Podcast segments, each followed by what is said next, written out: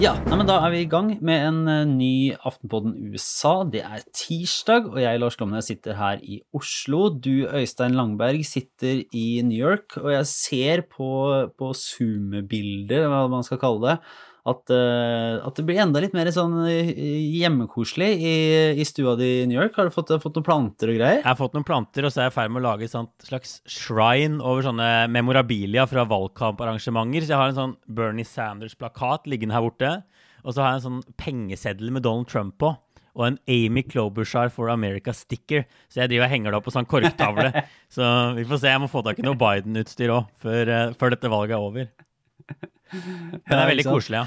Ja, for nå er vi jo Vi har vært gjennom eh, to uker med, med landsmøter, men nå er det jo egentlig én sak eller en problemstilling som, som, dominerer det aller meste i USA, og det er jo ikke koronaviruset. Nå er det jo ja, På avstand så kan man nesten få inntrykk av at dette er den mulige borgerkrigen som Christine Pletten snakka litt om i en tidligere utgave her i sommer, og, og, at USA nå virkelig er på vei utfor i en bølge av vold og konflikter i gatene. Det er jo det har vært en rekke demonstrasjoner i, i kjølvannet av at politiet skjøt denne Jacob Blake. Mm.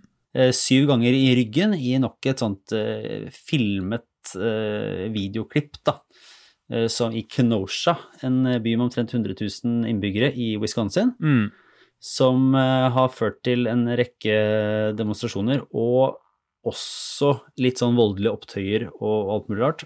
Og nå har det jo kommet en slags ekstra dimensjon inn i dette, da, i det at jeg vet ikke hva jeg skal si de gruppene er, men noen er jo på en måte Trump-tilhengere, noen er litt sånn assortert diverse Eh, nærmeste militiaer og andre grupper som har involvert seg på, eh, på som motstandere av disse demonstrasjonene. Ja, og, og de, har fått, de, har fått, mye oppmerksomhet nå, men jeg så en sånn oversikt. Sånne type, Noen kaller det ytre høyre, noen kaller det borgervern. Det er en sånn broket forsamling av ulike folk. Men, men de har dukket opp på noe sånt som 500 Black Lives Matter-arrangementer de siste månedene.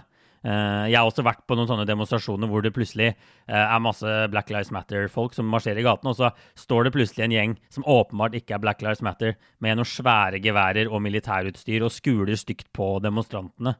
Men det som jo kanskje nå har skjedd i Kenosha, er jo at dette har blitt tatt ett hakk videre. Nå handler det ikke lenger bare om å fremstå som litt skummel eller truende. Nå har det også blitt avfyrt skudd, og folk har dødd.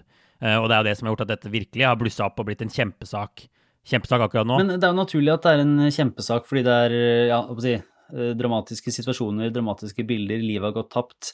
Men hvis man skulle eh, bare få et inntrykk av skalaen på dette her, da. For det, det, litt, det kan være litt vanskelig av og til når det sitter såpass langt unna som i hvert fall jeg gjør, å forstå om det er er det sånn at dette foregår egentlig i mange andre byer? Er det snakk om eh, på en sånn kveld når folk er ute og demonstrerer og det er, er opptøyer, er det snakk om eh, på en måte tusenvis eller hundrevis eller titalls eller titusenvis? Altså hvor, eh, hvor store sammenstøt er det her?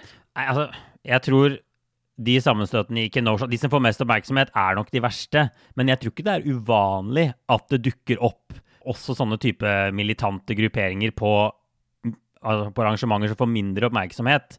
Det, en sånn som, det er jo sånn, en del som skjer sånn under radaren også. Eh, jeg tror denne opptellingen som disse forskerne gjorde, viser at 40 biler var blitt kjørt inn i folkemengder, f.eks. Eh, protesterende folkemengder i løpet av de siste månedene. Eh, så, det, så, det, skjer jo en del sånn småskumle ting. Men, men, når det kommer til drap og sånn, så er jo det fortsatt Og særlig at politiske motstandere, da, som vi ser tendenser til, skyter hverandre i gatene, det er jo på en måte noe nytt. Uh, og noe som gjør at dette virker ekstra skremmende nå. Mm. Så hvor stort er omfanget? Uh, jeg tror man kan si at De aller fleste amerikanere har ikke gått i Black Lives Matter-demonstrasjoner. Uh, og de aller fleste som går i Black Lives Matter-demonstrasjoner, driver jo ikke med vold. så det er jo noen ytterst få som driver med det her. Samtidig er det masse våpen blant amerikanere og ganske mye aktivitet på sosiale medier i sånne militsgrupper. Så det er litt, litt vanskelig å ha oversikt over omfanget. Så er det jo, som Kristina sa, og som du også har, har nevnt, så er det jo forbausende mange amerikanere som snakker om mulighetene for en borgerkrig. Og det høres jo litt sånn overilt ut. Ja. Og, og, det er jo lett da å tenke på en sånn gammeldags borgerkrig der det står eh, det er liksom eh, blå uniformer og grå uniformer og, og kjemper mot hverandre. Men eh, det som har vært tegna opp som et mulig bilde, er jo litt de derre ulike sånne grupper på ytterkanten av politiske miljøer eller, eller, ekstremistgrupper som på en måte kobler seg på en politisk bevegelse og skaper problemer og, og litt sånn uforvarende, eller i hvert fall kanskje villet, da, men, men, eh, men uten at det står liksom to store faktisk uh, voldelige grupper mot hverandre, så, så liksom brer det seg uro og og, og slåssing sånn utover landet og skaper en mer, mer tilspissa situasjon. Og akkurat det skremmebildet som har vært tegna opp, det ligner jo en del på sånn det har sett ut både i Kenosha og Portland ja. den siste tida. For det er jo, det er jo eh, ja, én ting er at det er på en måte Black Lives Matter-demonstranter og Trump-tilhengere eller hva det skal være, men du har jo også de rare gruppene som det allerede har vært veldig mange av i USA, som på en måte de Bugaloo-gutta og andre som på en måte hater myndighetene eller eller uh, hater politiet, eller vil og som har som mål sånn, Bugaloo har ja. som mål mm -hmm. å ha, få, ska, skape en ny borgerkrig som, er, som en sånn uttalt greie som de ønsker seg. Men du, men, ja, men du har helt rett. Vi har snakket om det før. Det er sjokkerende mange som snakker om en ny borgerkrig i USA. Jeg opplevde aldri det på reportasjereiser i Europa på samme måten. Eh, jeg så en måling fra Rasmussen, dette favorittmeningsmålingsinstituttet til Trump, hvor 31% tror det kan, eller regner det som nokså eller veldig sannsynlig at det blir en borgerkrig i USA de neste fem årene. Det er jo bare helt utenkelig at én eh, av tre nordmenn skulle tenke at vi skal ha en borgerkrig i Norge om fem år, i en, i en spørreundersøkelse. Så, så, så, noen ganger så tenker jeg, så lurer jeg litt på om de egentlig mener faktisk borgerkrig, sånn som du var inne på, eller om det bare er et uttrykk for at det er så polarisert. Vi ser vold i gatene. Noe må gi etter. Og et kanskje litt underrapportert faktum, da, som jo jeg også har sett på nært hold, er jo at venstresiden også i større grad har tatt opp våpen i USA nå. Eh, jeg snakket jo med en del sånne venstresideaktivister som sier, sier at de, bare, de må beskytte seg selv. De oppfatter ikke at politiet beskytter dem. Vi ser de marsjerer i gatene med våpen. Så det du kanskje kan ende opp med, da, jeg tror ikke USA er på kanten av en ny borgerkrig, men, men det som du kan risikere, er jo enda mer enn det du har sett de siste dagene. Nærmest sånne gatekamper hvor du har masse folk med våpen, mye sånne militiaer, borgerverngrupper. Du har masse venstresideaktivister og politiet. Så begynner noen å skyte, og så er det plutselig hundrevis av folk med våpen i en gate i USA. Uh, og Det er jo ikke nødvendigvis sånn at hele landet da kaster seg i skyttergravene, men du kan i hvert fall ha litt sånn krigslignende tilstander. da. Eh, som jo er veldig skummelt i seg selv. Det bygger jo ikke akkurat uh, tillit til et veldig polarisert valg som kommer om få måneder heller. Nei, og det er det noen peker på, at det er, ni, ni, uker til valget eller noe sånt. Det er jo kanskje det verste tidspunktet man kan se for seg noe sånt på. Uh, og hvis valg, valget blir uklart, og folk igjen tar til gatene, og de aller fleste er fredelige, men noen har, noen har våpen, så er det ikke Ja, det er litt sånn skummelt å se for seg hva som, hva som, kan skje, rett og slett. Ja, nei, jeg bare lurte på en ting. Eh, fordi at Man har jo de diskusjonene i Norge denne uka her, og de siste ukene har egentlig vært i forbindelse med demonstrasjoner fra Sian, som er en liten gruppe med, med hva skal vi kalle det ytre høyre, da, men en ganske rasistisk uh, organisasjon, om man kan kalle det, som uh, nå har vært og skjenda Koranen, da, og, og gjør dette mer eller mindre eksplisitt for å Eh, hisse til konfrontasjoner. Altså, nå eh, er jo spørsmålet i Norge måte, hvor mye oppmerksomhet skal de få? Hvor mye eh, skal de faktisk engasjere seg? Skal man på en måte, møte dem med motdemonstrasjoner, eller skal man tie det i hjel? For det er jo ikke så fryktelig mange det dreier seg om. Er det, det er jo spørsmålet på, på, dette som skjer nå i USA. Nå er, det er over en sånn terskel at det på en måte må dekkes så stort som det gjør, eller er det sånn at det ja, jeg, jeg, kan sies å overdekkes? Nei, jeg, jeg, tenker at det må dekkes. altså Deler av byen Kenosha er jo brent til grunnen og ser ja, ganske sånn Det er jo veldig dramatisk for de som bor der og får levebrødet sitt revet bort. Det er dramatisk når en 17-åring går ut på gata, ender opp med å skyte tre stykker, to dør. Uh, og i Portland nå så ser de jo I Portland er det en, en uh, Han 17-åringen Vi vet ikke så veldig mye om han, bare for å ta det da, men han støtta politiet. Uh, hadde vært på en sånn Trump-rally. Det er bekrefta, de tingene der. Ja, Den saken vil jeg si, det er jo på en måte et bilde på på, på et sånn mikroindividnivå, da, hvordan en del omstendigheter kan, eh, kan gå galt. og ha, det, det, er jo helt sjuk hele saken, men jeg, jeg, så jo noen på en måte på altså typisk demokrater eller mer på venstresida som sier at ok, her kommer det en 17-åring som med kaldt blod skyter tre stykker og dreper to mennesker i en demonstrasjon. Og så skjønner jeg jo hva de mener, men annet eh, New York Times og Washington Post har jo lagd i det siste noen ganske veldig gode saker der de setter sammen med det som finnes av ulike sosiale medier-videoer, og man får det der bildet. Og han 17-åringen ble også intervjua tidligere på dagen av en reporter som, som dekket dette, og var jo en del av den gruppe som sånn skulle, sa at de skulle beskytte eh, ulike businesser. Han har kjørt en halvtimes tid og tatt med seg et kjempevåpen for å stå og være eh, tøff og, og, kanskje potensielt sett eh, søke en eller annen konfrontasjon da, med disse demonstrantene.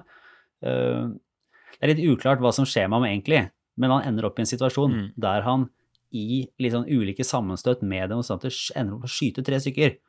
Og eh, det blir ikke noe mindre ille av at denne 17-åringen tilsynelatende ikke som satt seg på et hustak og, og, og, og drepte folk med kaldt blod. Han, er, liksom, det, han er en Eh, sosiale medier-påvirka tenåring som ender opp i en situasjon der han tar med seg et kjempevåpen til en demonstrasjon for å eh, enten søke eller drive en eller annen form for konflikt.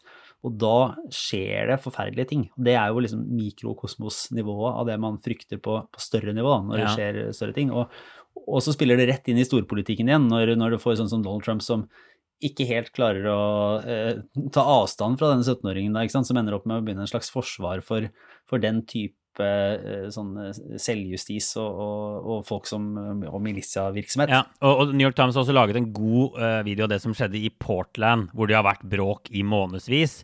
Men hvor det har også nå liksom eskalert et hakk videre, hvor en som heter Aaron Danielson, uh, ser ut til å ha blitt skutt Uh, og det virker sånn litt mer uklart hva som har skjedd der med han, hvorfor han har blitt skutt. Om det er litt mer sånn litt mer likvidering på åpen gate, eller om det er sånn tilfeldighet. Det er også noe video litt vanskelig, vanskelig å si. Men han tilhørte da uh, en sånn ytre høyregruppering som alt fra New York Times til Wall, Street Journal kaller for liksom far right, altså ja, på grensa til litt sånn høyreradikal, høyreekstrem. Og der var det jo, var jo en del Der var det en, en rar, også en sånn helt forferdelig situasjon der en del da Trump-tilhengere kjørte rundt med sånne pickup-trucker gjennom sentrum ja. og på en måte provoserte og, og skjøt på demonstranter med paintball-våpen og tåregass. Ja.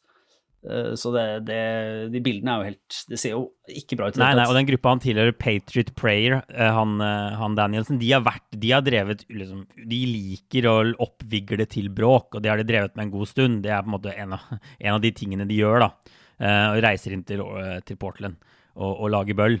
Men likevel er jo bare vanvittig dramatisk at det ender med at en av dem bare blir skutt på åpen gate. De hevder jo det er Antifa, og i sosiale medier nå så kommer det jo krav om at dette må hevnes etter drapet. Og da har du jo gående politiske motstandere som, som rett og slett dreper hverandre over, over politikk. Så det, igjen, det er, eh, ja, det er en del skumle tegn i tiden. Så vi bare får håpe at de klarer å roe situasjonen før det bare blir en sånn voldsspiral. Er det noen er faktisk sånn politisk eh, diskusjon om hva som kan gjøres for å stoppe dette? Altså for nå har jo Jeg kan se for meg at det er ganske vanskelig òg, ettersom Trump-administrasjonen både har litt sånn vanskelig for å si eh, å ta fullstendig avstand fra, fra liksom militiasiden og de som måte, går inn der for å si at de skal beskytte, men òg fordi at myndighetene jo i måte, grunnspørsmålet da, har så liten tillit. Altså Hvis du skal sette inn en sånn sterk politistyrke, eller sånn som man har gjort og fikk kjeft for, da, å bruke liksom, føderale styrker og gå inn og prøve å, å redde, liksom, slå ned dette her på et eller annet vis, så er jo det den type maktmidler som en del av demonstrantene på venstresida har gått hardt imot, mm. da, og som har eskalert ting tidligere. Så det er ikke så veldig lett å se for seg hvordan hvordan man faktisk kan eh, få dette til å liksom finne en sånn enkel utvei. Er det noen som har kommet med konkrete forslag som du har sett, på, på, hva som kan gjøres? Nei, men jeg har sett folk påpeke noe som er interessant og sånn særegen for USA, og det er at du kan jo stille opp i militærutstyr og enorme våpen på disse demonstrasjonene, og du gjør ikke noe ulovlig før du, før du trekker av og skyter noen. Eh, og da er det jo for sent. Så de, det er, det er liksom, politiet har blitt beskyldt for å ja, for å nærmest stå i ledetog med, med, noen av disse ytre høyre militsgruppene. Men det er heller ikke så mye politiet kan gjøre. Så jeg tror liksom, nasjonalt lederskap eh, Disse folka lytter jo til Donald Trump. Mange av de har jo sånn, sånn Trump-ideologi om at han er sånn verdens frelser, i hvert fall når man kommer ut på noen av med sånn konspi, konspi-høyre. Så, så, så, Trump kan helt sikkert bidra, Biden kan helt sikkert bidra, men jeg tror det er der den type ting kanskje komme demonstrantene i møte på noen, noen punkter. Det er der eh, svaret antageligvis ligger. Men er det, er det, de gruppene som demonstrerer, da, og, og Black Lives Matter, det er, jo, det er, jo, på en måte en bevegelse som uh, nå blir uh, tatt opp i dette her, da, selv, selv, om det i hovedsak er fredelige demonstrasjoner. Men er det sånn at demokratene eller noen faktisk har liksom ledelse nok over den bevegelsen at de kan si sånn Nei, ok, nå må vi faktisk bare roe det ned. For det altså, det er vel ikke så sannsynlig, for det er jo en sånn nedenfra og opp-organisasjon. Det er jo ikke noe det er jo ikke noen sånn sjef i, i BLM som, som, kan si ok, nå må vi ta en to ukers pause for at det her ikke skal gå helt over styr. Det er ikke sikkert det er det de ville eller burde gjort uansett, da, men, men kan, det er ikke så lett å se for seg hvem det skulle være. Nei, og det er antageligvis ikke, ikke, Joe Biden og antageligvis heller ikke Bernie Sanders. Og på den ytre venstresiden så pågår det en sånn reell debatt om, om det å altså, raide butikker, opptøyer, altså looting, om det er greit, om det er et legitimt virkemiddel for å slå tilbake mot liksom, den hvite overmakten. Eh, så Det er jo definitivt folk som liksom, tar, tar, det forsvar, og som synes Biden går altfor langt i når han, når han tar avstand fra, fra voldsbruk. Da, de mener at man må bruke vold. Så det er sånn, det er jo, Man får ikke med seg hele den ytre venstresiden på å si nå legger vi ned våpnene. Og det er jo mye politivold. Det kommer helt sikkert til å skje igjen. komme en sånn video, eh, kanskje til og med før valget, av noen som blir skutt av politiet. Og da har du det antageligvis gående igjen. Eh, sånn som situasjonen er nå. Så er det bekymringa, da, for nå, det var jo blant annet uh, Kellyanne Conway da, før hun, jeg vet ikke om jeg skal si før hun ga seg, eller, eller i uh, siste uken og tiden med, som, som, rådgiver for Trump. Hun var jo i hvert fall på Fox News, om ikke jeg fikk det feil med meg, og, og, sa jo blant annet, og det er sikkert litt sånn feiltolka også, men sånn uh, Dersom det fortsetter å være vold og, og liksom oppstyr og, og trøbbel, så er det på en måte noe sånn, den klare, den klare skillelinjen mellom, eh, mellom liksom lov og orden-Trump og, og uh, Antifa Joe Biden. Uh, ja, uh, det vil Trump tjene på. Det har jo bare blitt tolket som hun sier Trump vil tjene. Tjener på bråk og rabalder. har ikke så mye å tjene på å dempe gemyttene. Det er jo sånn hun har blitt tolket, Kellyanne Conway, med den uttalelsen. Mm. Og det er jo det, ikke, altså, det, var jo helt tydelig på republikanernes landsmøte også, en sånn, den store strategien. Koronaviruset, som har tatt liksom 32 eh, 000 liv den siste måneden. Knapt nevnt med et ord. De er innom det. Noen snakker om det som en tilbakelagt stadium. Og så bare fyrer de, dundrer de løs på protester og prøver å gjøre det til den store saken nasjonen snakker om. Eh, og litt fordi det jo har skjedd ting på bakken, og litt fordi de faktisk har klart det de har prøvd på, så har jo eh, protestene blitt den store saken nasjonen snakker om. Uh, og det er bare sånn, Koronaviruset er åpenbart ikke en vinnersak for Donald Trump. Når du spør velgerne, de, Det er ikke mange som syns han gjør en veldig god Det er ikke mange som stemmer på Trump fordi han har løst koronaviruset så godt. for å si det sånn.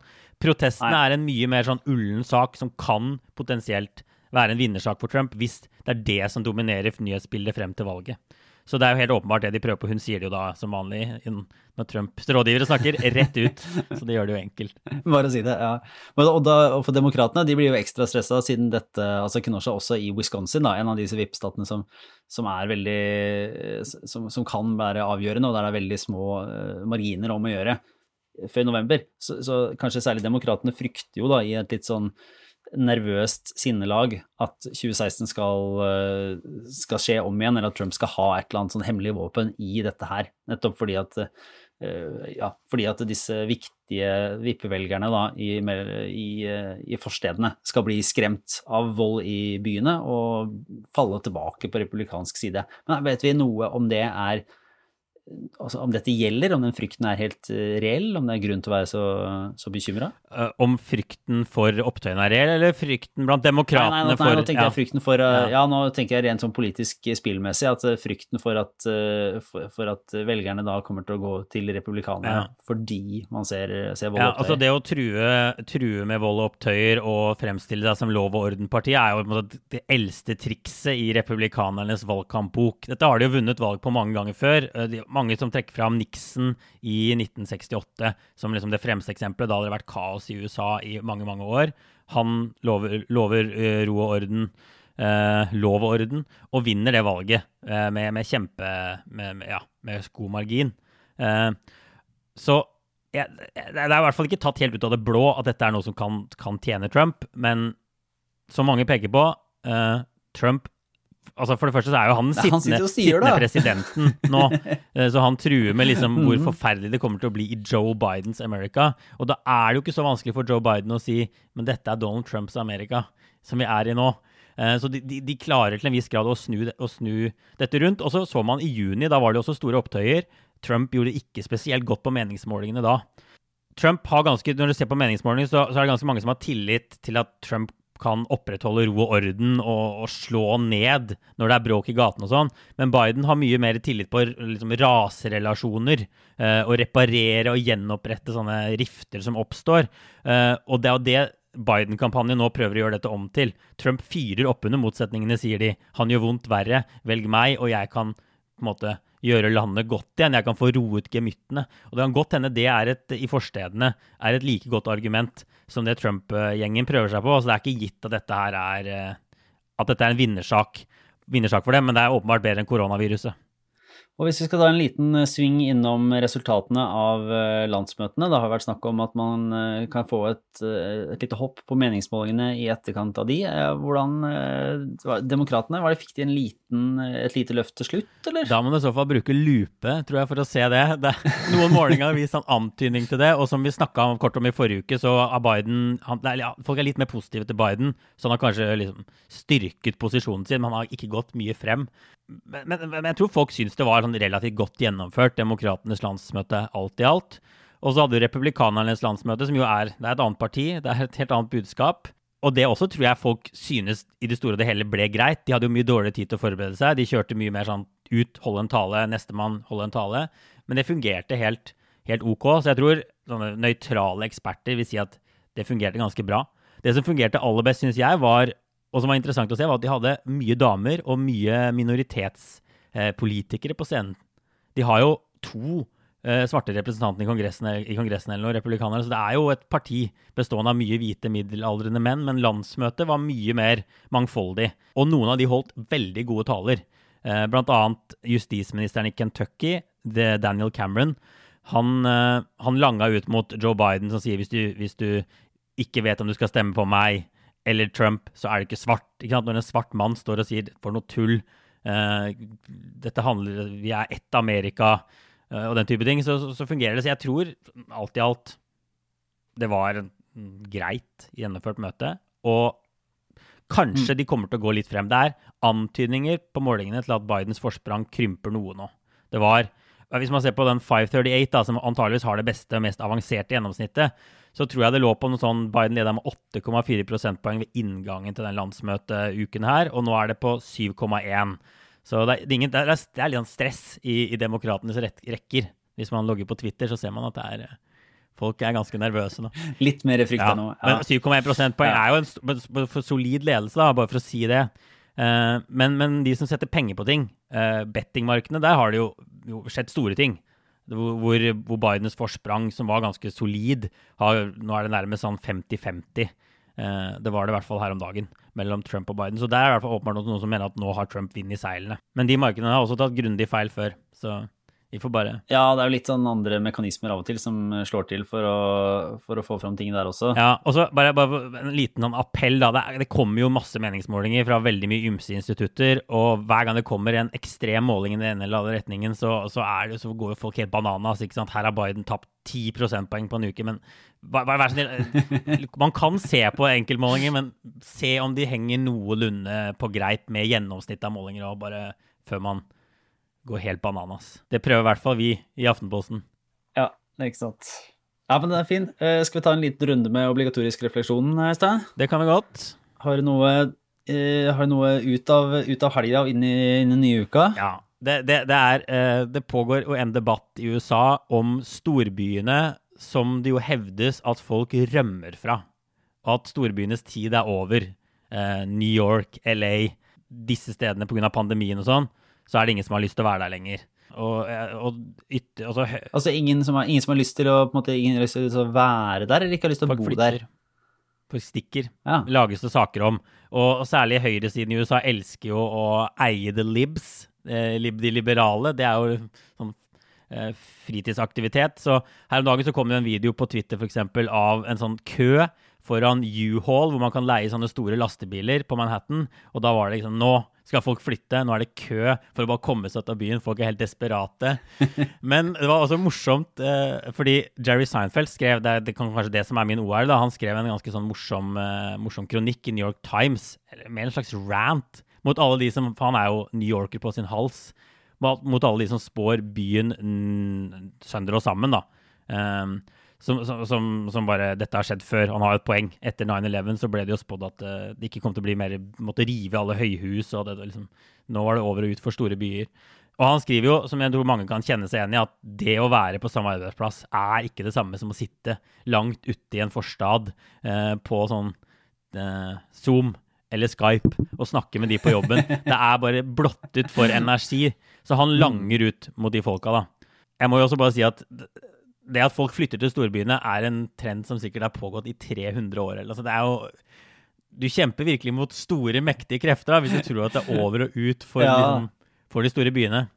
Uh, men det er altså, det kryr av saker om det i avisene nå. Uh, New York Times hadde også en sak om uh, lang kø på sånn visning ute i New Jersey på en eller annen forstad. Så vi får bare, ja, vi får bare se. Eh, jeg kan egentlig fortsette med en, eh, bare en, en, liten anbefaling i retning av oss selv, egentlig. fordi hvis ikke alle fikk det med seg, så var det jo fylkesårsmøte i Trøndelag Arbeiderparti i helgen som var.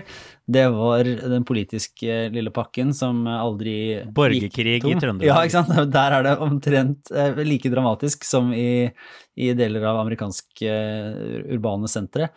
Eh, og så eh, la vi jo ut for abonnenter på Aftenposten. Så la vi ut en spesial ekstraepisode av Aftenpodden med Sara og Kjetil og meg, som eh, gikk ut på fredag etter at alt dramatisk hadde skjedd på torsdag. Nå skjedde det i og for seg dramatiske ting på lørdag òg, så det får vi komme tilbake til. Men hvis noen ikke har hørt den episoden ennå, så skal vi lenke til den både på, på Facebook igjen og i i beskrivelsen av denne episoden, så kan de som er Aftenposten-abonnenter, eller blir det nå, eh, få høre den også.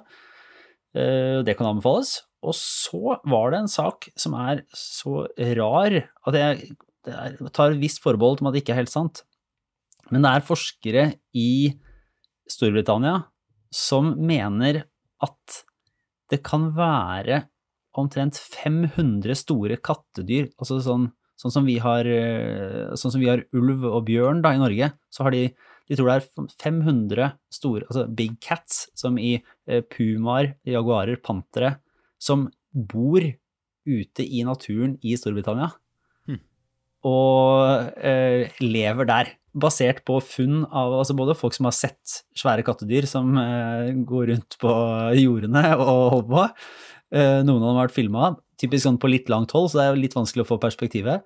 Men også da en forsker ved et universitet som har vært og sett på, på, på, på skrotter som det har vært spist av, og der jeg mener at kan gjenkjenne liksom, beinmerkene etter en uh, panter, tror jeg det var. Hmm. Så det er helt jeg, jeg, Hvis det er sant, så er det jo fantastisk rart og spennende at det da er flere sånne store katterovdyr i Storbritannia enn det vel da er både uh, ulv og bjørn i Norge. Ja.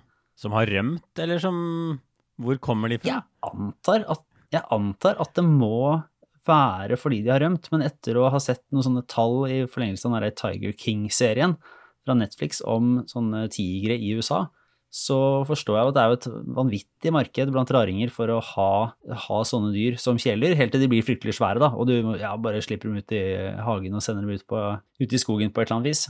Så jeg skal, jeg skal dele en lenke til en en rar liten sak fra, som jeg researcha meg bakover til uh, i, i, The Guardian om uh, dette her også, og så er det bare å følge med og se om det, om det viser seg å være sant eller en, en veldig stor overdrivelse. Åssen ser det neste uka ut da, Øystein? Er det noe er det bare opptøyer og opprør, eller kommer det til å skje noe annet i amerikansk politikk? Uh, nei, altså, nei, det blir veldig interessant å se. Det Spørsmålet er jo om demokratene klarer å få samtalen tilbake på noe annet enn opptøyer. Og det blir veldig interessant å se. Og så er det sånn, nå er det en, en fridag her i USA, Labor Day på mandag. Og så er det jo etter hvert Valget nærmer seg med stormskritt. Jeg tror de første sånn forhåndsstemmene nå Du kan snart begynne å forhåndsstemme og sende inn i, i North Carolina allerede. Eh, så, så, det skjer ting. Så, så, man kan si at Trump har tatt litt innpå, men de begynner også å få fryktelig dårlig tid. Og det er også ganske lenge til dette, denne første, denne første debatten. Så det, så det, blir veldig spennende å se bare dynamikken i neste ukene. Nå er jo Biden ute og driver valgkamp igjen, så det er i ferd med å liksom fyres skikkelig opp. Han har kommet seg ut av kjelleren. Veldig fint, Øystein. Takk for at du var med. Vi er tilbake med eh, det som må bli en fortsettelse av eh, Arbeiderpartiet og Trøndelags-diskusjonene på, på, torsdag i vanlig Aftenpodden. Men dette var i USA. Takk for nå, og ha det bra. Jeg er Lars Klomnes.